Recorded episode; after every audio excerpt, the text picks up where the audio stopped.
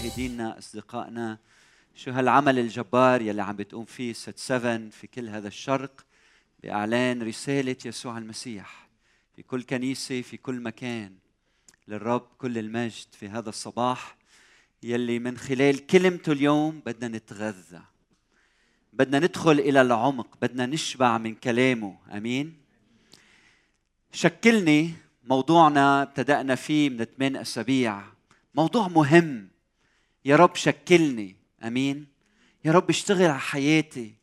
بعطيك المجال الحرية يا رب. اختار إنك تشكل قلبي وحياتي. ومن أسبوعين حكينا عن الشخصية الكريمة. واليوم بدي أقدم الجزء الثاني من الشخصية الكريمة. وبدي ركز على فصلين من رسالة الرسول بولس إلى أهل كورنثوس الرسالة الثانية يلي كتبها بولس إلى أهل كورنثوس. يمكن كتب عدد من الرسائل لكن عنا بالوحي المقدس الرسالة الأولى والرسالة الثانية. فبدي ركز على الفصل الثامن والتاسع من الرسالة الثانية يلي كتبها بولس إلى أهل كورنثوس. هالفصلين بيحكوا عن العطاء بكرم السخاء في العطاء. لكن لحتى نفهم الفصلين بحتاج إني أخذكم بلمحة تاريخية اولا. حتى نفهم خلفية الموضوع لحتى لما ندخل إلى النص ونتعمق فيه نستفيد آه، إفادة كبيرة جدا. رح أبدأ بال30 للميلاد. تقريبا الوقت يلي فيه آه، ولدت الكنيسة في أورشليم يوم العنصره حل الروح القدس آلاف آمنوا بالرب يسوع المسيح ومع ولادة الكنيسة ولدت الحاجة للمساعدات أشخاص فقراء ناس متألمين أرامل رجال كبار صغار بيحتاجوا لمساعدات مادية وغيرها. فمع نمو الكنيسه السريع ولدت الحاجة للعطاء. من هيك البعض صار يبيع الممتلكات اللي عنده حتى يساعد الناس والمحتاجين. وسنة 32 تقريبا للميلاد نرى التلاميذ بيجمعوا الرسل بيجمعوا التلاميذ المؤمنين وبيقولوا لهم انتخبوا من بيناتكم سبعة يهتموا بخدمة الموائد، خدمة المحتاجين، خدمة الأرامل، المساعدات. وسنة ال 34 للميلاد تقريبا هو الوقت يلي فيه شاول الطرسوسي في طريقه إلى دمشق تعرف على الرب يسوع المسيح المقام من بين الأموات بظهور من الرب يسوع المسيح له. وتاب وتغيرت حياته وصار شاول الطرسوسي وبعدين سنة السبعة وثلاثين للميلاد لأول مرة من بعد إيمانه الرسول بولس يدخل إلى أورشليم ويذهب إلى الكنيسة كنيسة الأم وبيشوف بأم العين حاجة الكنيسة الأولى. ومن بعدها بتسعة تسع سنوات سنة الستة وأربعين للميلاد بنشوف الرسول بولس مع برنابا في أنطاقيا يلي هي شمال سوريا تركيا اليوم. عم يجمع المساعدات إلى كنيسة أورشليم. هالكنيسة اللي كانت متألمة بسبب الاضطهاد وبسبب المجاعة اللي كانت موجودة. وسنة ال51 للميلاد لما صار في هالمجمع بأورشليم وإجا بولس وبهيدا الوقت بهالمجمع سنة ال51 للميلاد انفرزوا بولس وبرنابا لخدمة الأمم. ومنشوف الرسول بولس بغلاطية اثنين يقول هذه الكلمات إن الرسل أعطوني وبرنابا يمين الشركة لنكون نحن للأمم وهم للختان فللختان. وما بتنتهي الآية هون بكمل بولس ويقول غير أن نذكر الفقراء وهذا عينه كنت اعتنيت أن أفعله. يعني لما أعطي يمين الشركة إنه يروح إلى الأمم وينادي بيسوع المسيح قالوا له المشايخ بأورشليم انتبه ما تنسى الفقراء الموجودين بكنيسة الأم بكنيسة أورشليم. لما تروح وتبشر وتشهد عن يسوع المسيح ما تنسى إنك تقوم بهالمهمة إنك تجمع المساعدات لخدمة الفقراء. وقال أنا بنفسي اعتنيت بهذا الأمر. وبرسالة كورنثوس الأولى بنشوف الرسول بولس عم بيجمع التقديمات من كنائس غلاطية لحتى يجيبهم إلى كنيسة أورشليم. وهلأ هنا بالفصلين يلي بدنا ندرسهم مع بعض نحن بالسبعة وخمسين للميلاد الرسول بولس في مكدونيا شمالي اليونان عم يكتب رسالة إلى كورنثوس في اليونان وقبل بسنة كنيسة كورنثوس عبرت عن استعدادها إنها تقدم المساعدات للكنيسة في أورشليم. وكان عندهم هيدا الشغف في العطاء. فمين سمع بهالخبرية؟ كنائس مكدونيا. لما عرفوا إنه كنيسة كورنثوس هالقد بدها تعطي ومحمسه للعطاء تحمسوا هن وقالوا نحن كمان بدنا نعطي لنساعد الفقراء والمتألمين. والرسول بولس هلأ بمقدونيا عم يجمع هالمبالغ هالتقديمات وبعدين عم يكتب هالرسالة لكورنثوس وعم بيقول لهم رح إجي لعندكم لحتى تكملوا العمل اللي ابتدأتوه ولم التقديمات وأخذهم إلى أورشليم. واضح؟ هيدي الخلفية التاريخية لكلامنا. وهلأ العدد الأول من الفصل الثامن. العدد الأول من الفصل الثامن رسالة كورنثوس الثانية. ثم نعرفكم أيها الإخوة نعمة الله المعطاة في كنائس مكدونية شو يعني نعمة الله المعطاة بتعرفوا إنه اللاهوت الموجود في العهد الجديد كتب بحسب الحاجة لاهوت في خدمة الحاجة. ومن خلال هيدا اللاهوت نحن بنستخرج مبادئ تطبق في كل زمان في كل وقت في أي مكان.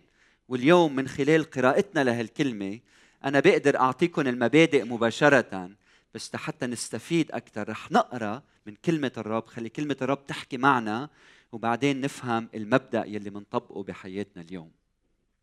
فشو يعني نعمة الله المعطاة في كنائس مكدونيا بولس قصده الكرم كرم العطاء.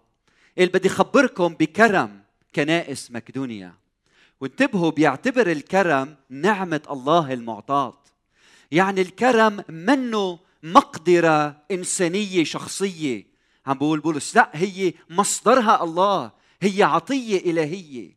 فإذا أنت بدك تكون كريم وتعيش بكرم انتبه ادخل إلى مخدعك صلي إلى أبيك الذي في السماوات وقل له أعطني نعمة الكرم. أعطني نعمة الكرم. وبالعدد الثاني بقول أنه في اختبار ضيقة شديدة فاض وفور فرحهم وفقرهم العميق لغنى سخائهم. يعني أهل مقدونيا ما كانوا أغنياء. إيه يا خيي هن اغنياء بيعطوا لا لا لا كانوا فقراء. كان عندهم وضع اقتصادي صعب جدا. لأنهم أعطوا حسب الطاقة أنا أشهد وفوق الطاقة من تلقاء أنفسهم. شو هو المبدأ يلي بنتعلمه هون؟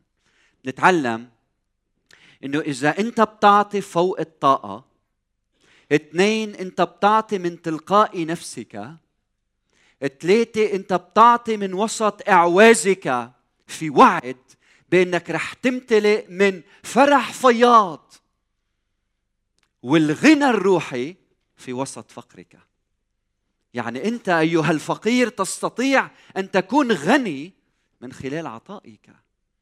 وأنت المتألم والحزين ممكن تختبر فرح لا ينطق به ومجيد من خلال عطائك.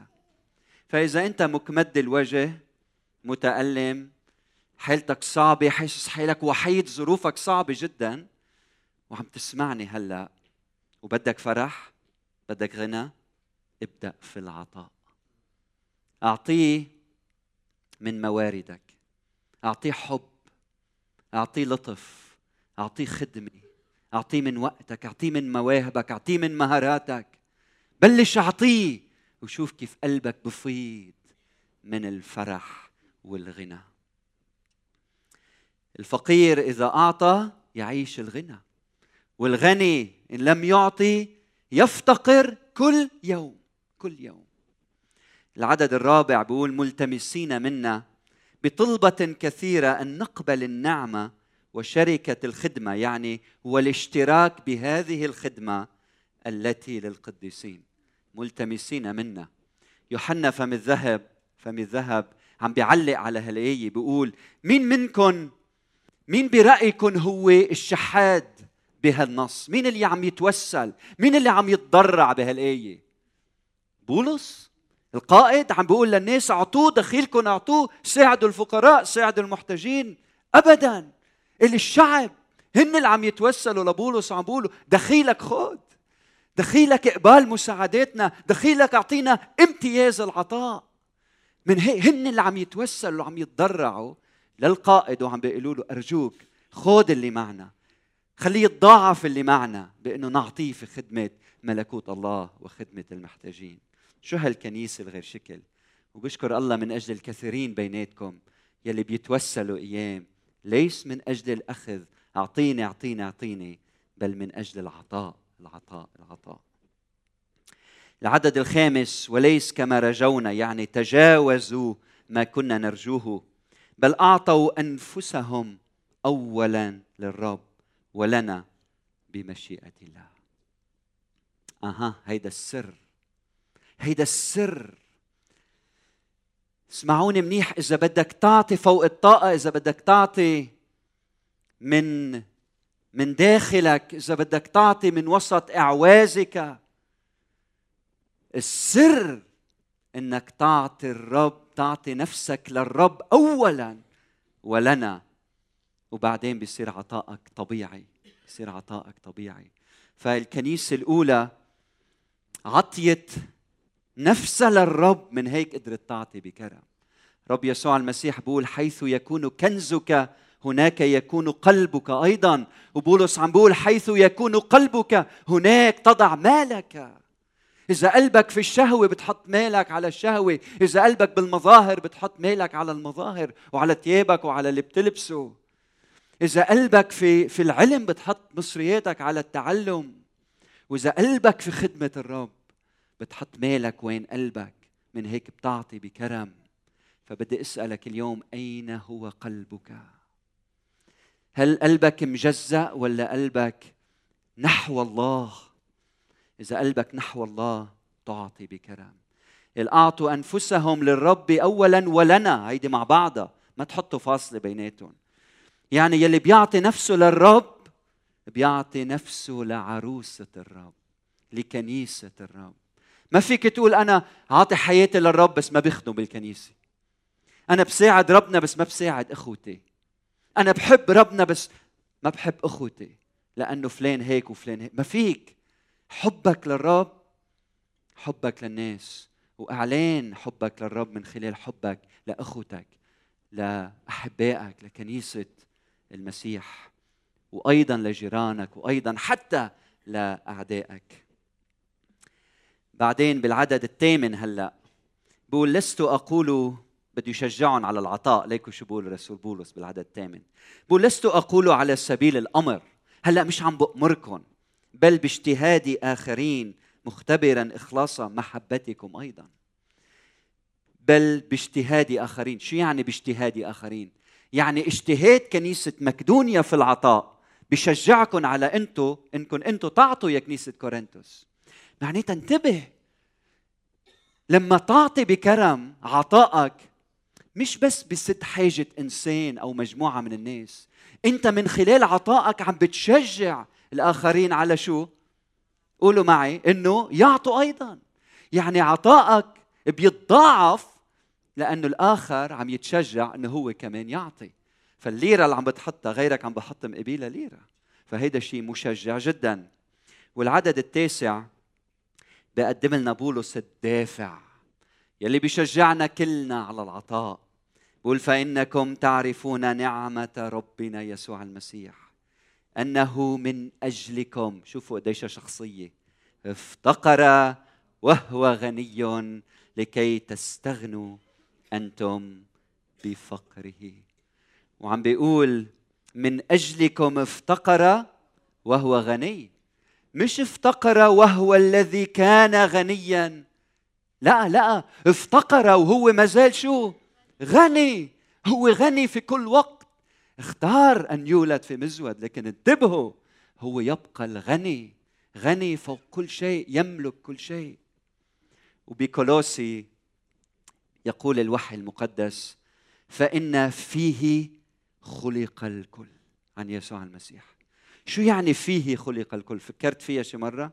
يعني هو السفير هو هو الإطار يلي أنت يلي هو بداخله كل شيء انوجد. الفيه خلق الكل كل هيدا الكون وينه؟ في يسوع المسيح لأنه فيه خلق الكل.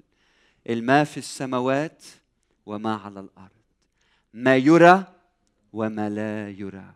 سواء كان عروشا أو رياسات أو سيادات أو سلاطين الكل به وله قد خلق. يعني مش بس فيه به بواسطته. يعني هو اليدان يلي خلقوا الكون كله.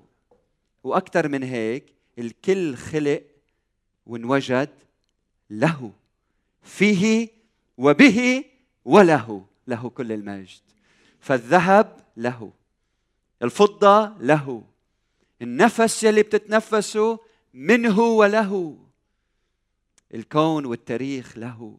شخصيتك منه وله. ماضيك له.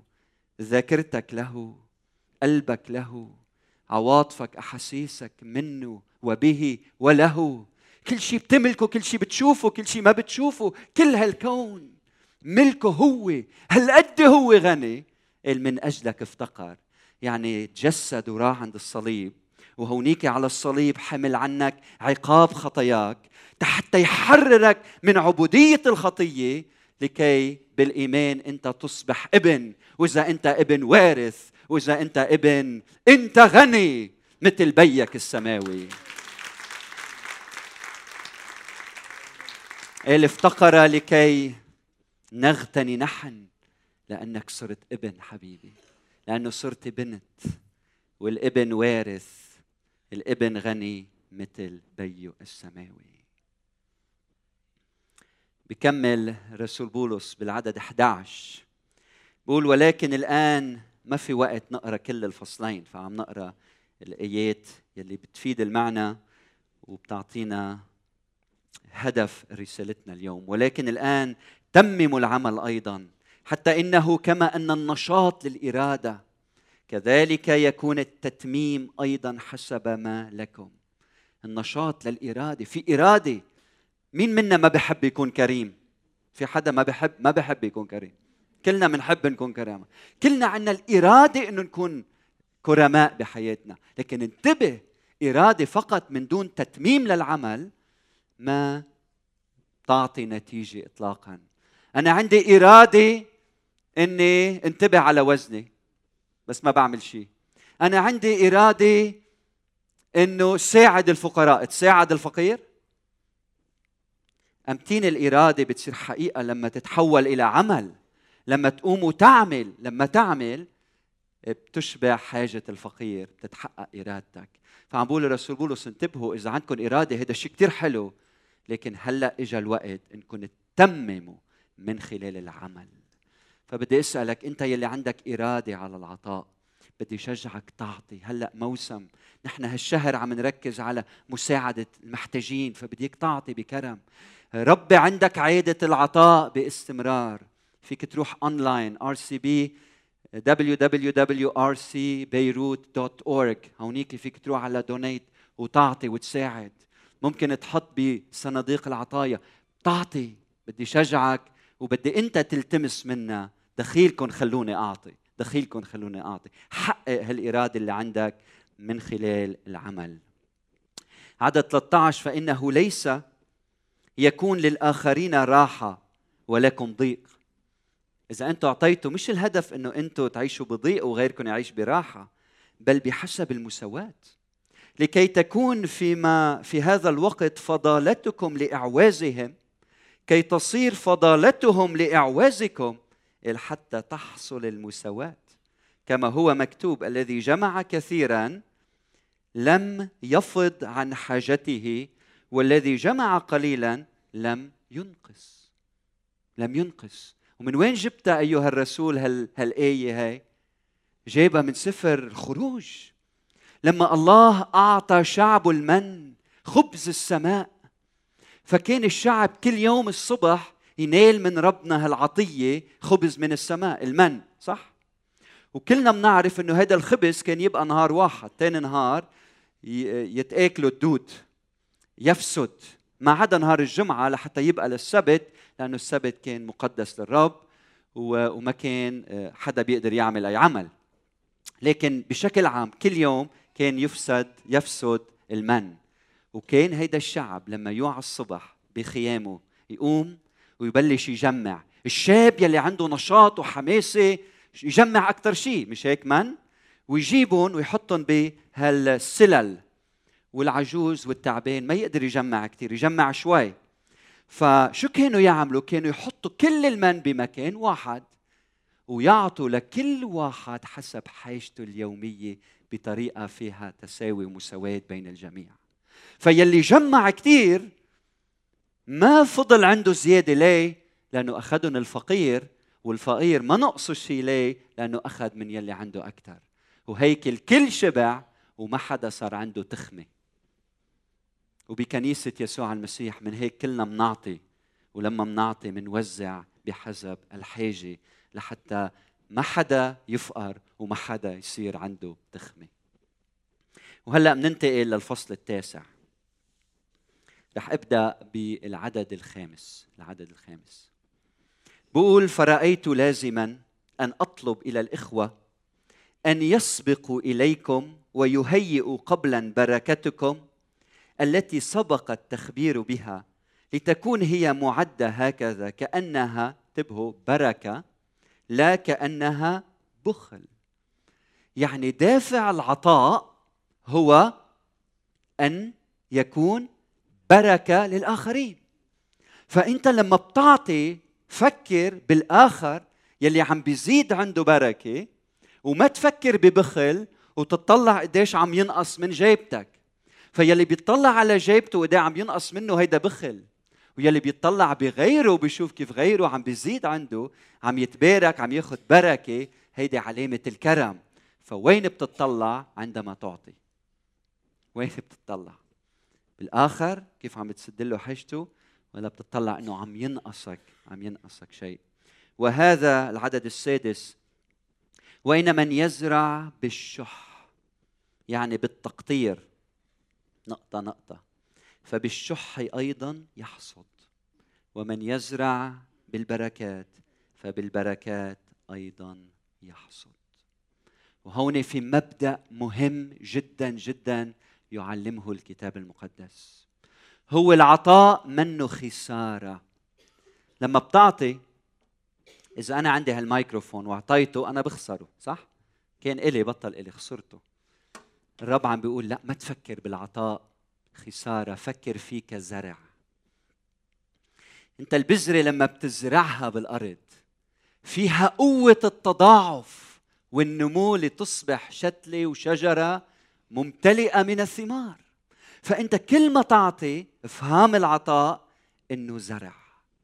طريقة تفكيرك بتتغير. يعني فكر بالنوعية اللي عم بتقدمها. هون الكلام مش عن العدد. اللي بيزرع بالشح بالشح يحصد واللي بيزرع بالبركات بالبركات بيحصد. يعني المقصود فيها الكمية. غيري عطى مئة ألف أنا قدرت أعطي بس خمسين ألف يعني عطى أكثر مني. لا لا لا عم يحكي عن نوعية العطاء. النوعية يلي بتزرع فيها نفس النوعية يلي بتحصدها. الرب يسوع المسيح لما شاف هيدي الأرملة الفقيرة عطيت فلسين يلي قيمتهم ربع لا شيء. قال الرب يسوع المسيح إن هذه الأرملة الفقيرة قد ألقت أكثر من جميع الذين ألقوا في الخزانة. مش مزبوط غيره ألقى أغلى بكثير دفع أكثر بكثير لا لا لا لا. بالنوعية هي أكثر وحدة حطت لأنه الجميع من فضلتهم ألقوا. أما هذه فمن أعوازها ألقت كل معيشتها. فمش مهم الكمية مهم النوعية يلي عم تعطي فيها النوعية.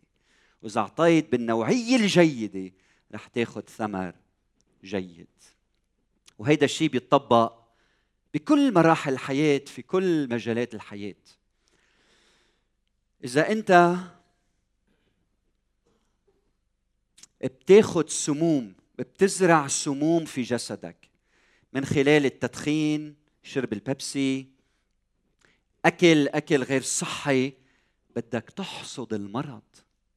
لأنه في قانون طبيعي الله حاطه بهالدنيا. إذا أنت بتنتبه على صحتك وبتعمل رياضة وبتأكل الأكل الصحي فول وحمص وغيره بتعيش نوعية حياة غير شكل. بحكيك عن اختباري. لما تعرف كيف تنام وكيف تأكل وشو تأكل وتعمل رياضة بتعيش نوعية حياة غير شكل. إذا أنت بتزرع مضيعة للوقت رح تحصد الجهل. وإذا أنت بتزرع سهر في الليالي ودرس رح تحصد العلم والمعرفة. إذا أنت بتزرع الحقد رح تحصد الخصام. إذا بتزرع الخصومة رح تحصد التوحد. لكن إذا بتزرع الحب رح تحصد ولاء الناس لإلك. إذا بتحصد الخدمة رح يصير عندك وفرة من الأصدقاء. شو بتزرع رح تحصد. هيدا قانون إلهي. فالسؤال لإلك اليوم هل أنت عم تزرع عطاء لتحصد الغنى الغنى الروحي ولا عم تزرع بخل وبيجي اليوم يلي فيه رح تحصد الفقر؟ قانون إلهي. الذي يزرعه الإنسان إياه يحصد أيضا. العدد السابع كل واحد كما ينوي بقلبه. ليس عن حزن أو اضطرار لأن المعطي المسرور. باليوناني الكلمة الإنجليزية يلي جاية من اليوناني هي هيلاريوس بتعطي بسرور شديد. اللي يحب الله والله قادر أن يزيدكم. كل نعمة لكي تكونوا ولكم كل اكتفاء. كل حين في كل شيء تزدادون في كل عمل صالح. شو عم بقول الرسول بولس؟ اسمعوا شو عم بقول عم بقول إذا أنت بتعطي بكرم بتعطي بكرم الله رح يزيدك نعمة. لحتى لأنك أنت أعطيت رح يزيدك نعمة لحتى يكون عندك كل اكتفاء في كل حين في كل وقت في كل شيء لحتى تزداد في كل عمل صالح. ولما بتزداد في كل عمل صالح شو بيعمل ربنا معك؟ اللي بيزيدك كل نعمة لحتى شو؟ يصير عندك كل اكتفاء في كل شيء في كل وقت في كل حين لحتى شو تعمل؟ تزداد في الأعمال الصالحة. ولما بتزداد في الأعمال الصالحة بصير عندك حاجات. اللي بيزيدك كل نعمة وبيعطيك كل اكتفاء في كل حين في كل وقت في كل شيء لحتى شو تعمل؟ تزداد في الأعمال الصالحة. ولما بتزداد في الأعمال الصالحة بلشت هيك صرت هيك شو بيعمل ربنا معك؟ بيزيدك كل نعمة ولما بيزيدك كل نعمة بيصير عندك كل اكتفاء في كل حين في كل وقت في كل شيء. ولما بيصير عندك اكتفاء في كل حين في كل وقت في كل شيء شو بتعمل؟ بتزداد في كل عمل صالح. وهيك بتعيش كل حياتك. عم بتمجد الرب من خلال عطائك.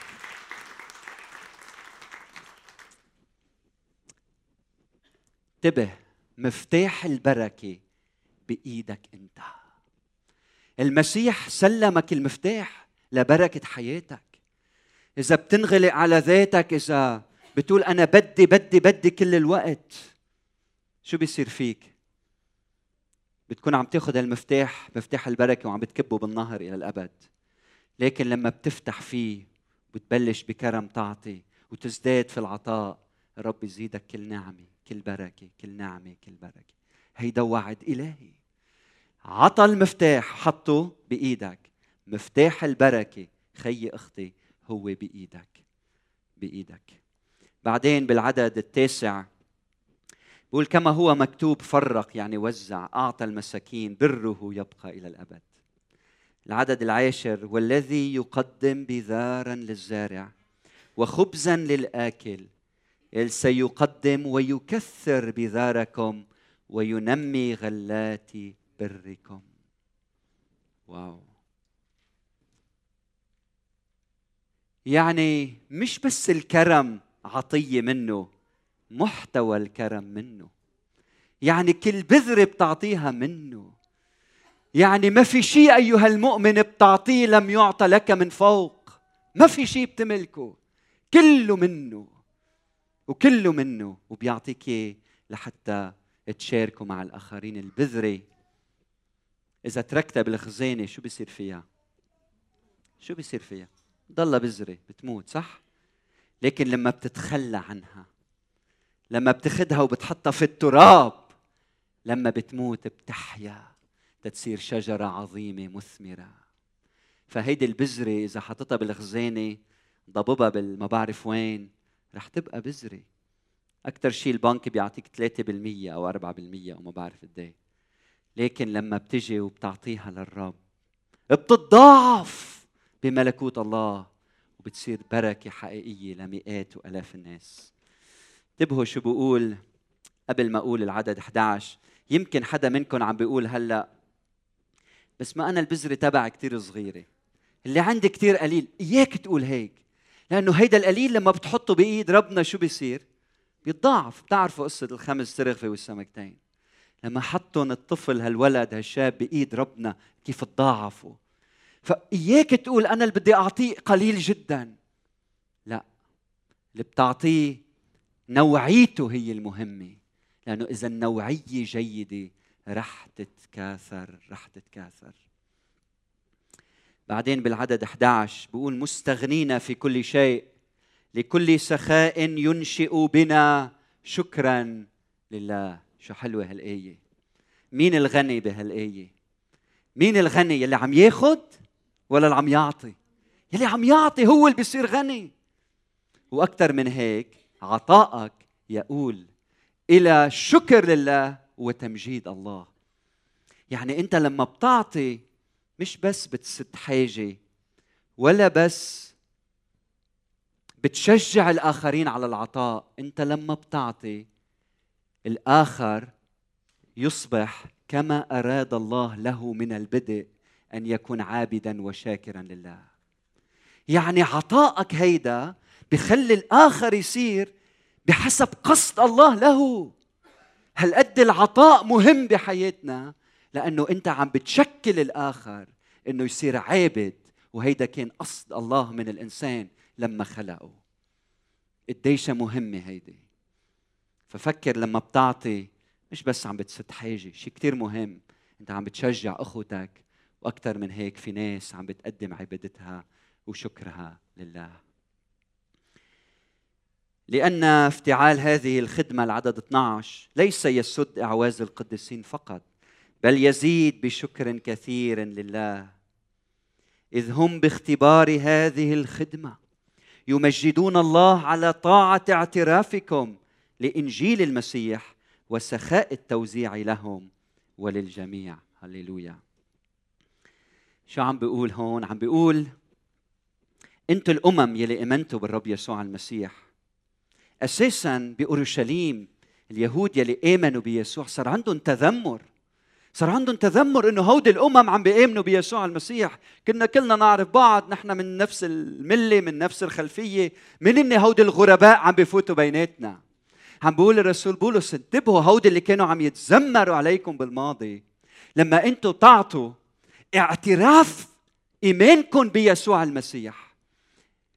بيتحقق بطاعتكم وطاعتكم بتتحقق بعطائكم. فانتم لما بتعطوا عم بتعلنوا طاعتكم وعم بيأكد اعترافكم بيسوع المسيح لدرجة إنه اليهود المؤمنين بيسوع المسيح الهن بيقدموا التمجيد لهذا الإله الحي. واو!